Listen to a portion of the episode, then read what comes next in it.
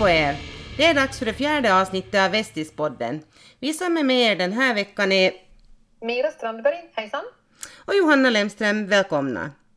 Vi jobbar ju hemifrån sedan drygt två veckor på grund av coronakrisen och det begränsar lite allt möjligt, även jobbet. Vi gör de flesta intervjuerna per telefon, men eh, Mira, du gjorde en intervju öga mot öga i veckan och du var ju helt lyrisk efteråt. Berätta vem du träffade. Ja, visst, så gärna. Jag var och träffade Lena Selén och Bernt Gottberg som fick Svenska folkskolans vänners folkbildningsmedalj. Vi pratade utomhus och på behörigt avstånd förstås, men, men det var ändå väldigt uppfriskande att göra en intervju ansikte mot ansikte istället för per telefon. Jag hade inte trott att det skulle vara en så stor skillnad. Lena och Bernt har ju länge jobbat för att ta fram fakta om Porkkala-parentesen i Sjunde och Ingo. Och det här är också en tid i vår historia som jag själv alltid har varit jättefascinerad av. Så jag är väldigt glad att de äntligen får erkänsla för det arbete det är de så värda. Ja, verkligen. Så fint. Eh, Det går ju inte att undvika nyheter om corona, fast vi gärna rapporterar om annat också. Eh, Vårt uppdrag i sammanhanget är att hitta de lokala vinklingarna på hur coronaepidemin drabbar regionen. Bland annat har vi kunnat rapportera om hur skolorna har löst distansundervisningen, berätta om ungdomsgårdar som har blivit virtuella och så har vi... Jo. Ja. Jo, och musikundervisningen på musikinstituten sköts också på distans, helt som skolundervisningen. Och det fungerar faktiskt ganska bra kan jag säga som har två musicerande barn här hemma. Det är ju inte samma sak förstås som att träffa lärare ansikte mot ansikte, men, men det håller nu igång hobbyn i alla fall och visar hur mycket man kan göra om man eh, är lite kreativ. Mm. Eh, vi har dessvärre också haft tråkiga nyheter om hur krisen påverkar de kommunalt anställda, vars arbetsuppgifter tillfälligt är pausade eller kommer att bli pausade. Eh, I Raseborg så har man listat vem i personalen som har dubbla examina. Exempelvis så kan man erbjuda jobb inom vården åt den som har en närvårdarexamen i bakfickan, även om hen just nu kanske jobbar med något helt annat. För de som man inte hittar andra arbetsuppgifter åt så betalar man lön i 14 dagar, men sen är det stopp.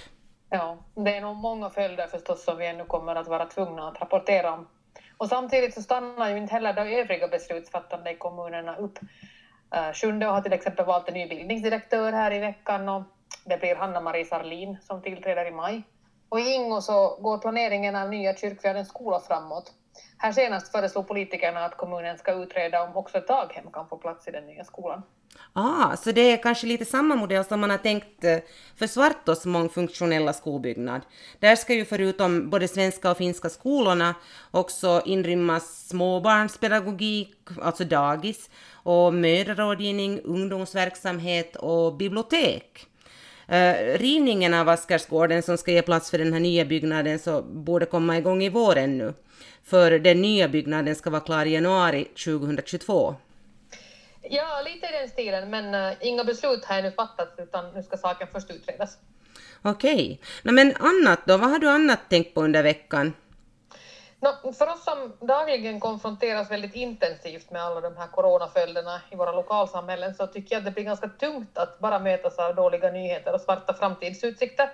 Så jag har faktiskt reflekterat över hur viktigt det är att försöka se positiva glimtar också i, i den här utmanande situationen och, och skriva om dem.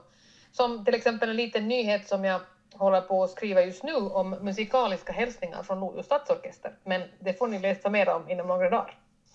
Men äh, Johanna, vad ser du fram emot att ta itu med för teman nästa vecka?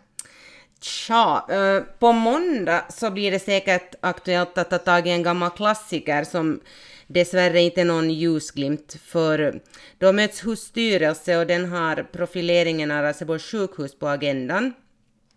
Och beslutsförslaget är att man ska anhålla om undantagslov av social och hälsovårdsministeriet om att få ersätta sjukhusets samjour med en allmänmedicinsk dygnet runt-jour, lite som en hälsocentraljour men dygnet runt.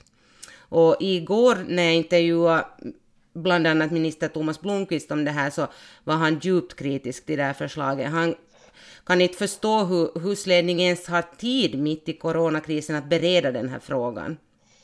Ja, han är nog inte ensam om den åsikten och där, där går det nog säkert hett till på många fronter ännu. Ja, men um, nu kanske det är dags för oss att avrunda igen, så tack för den här veckan. Ta hand om varandra. Sköt om er! Yes. Bye bye! Hej då! Hej! Kom ihåg att gå in på www.vastranyland.fi när som helst under veckan och läs det senaste från Västra Nyland.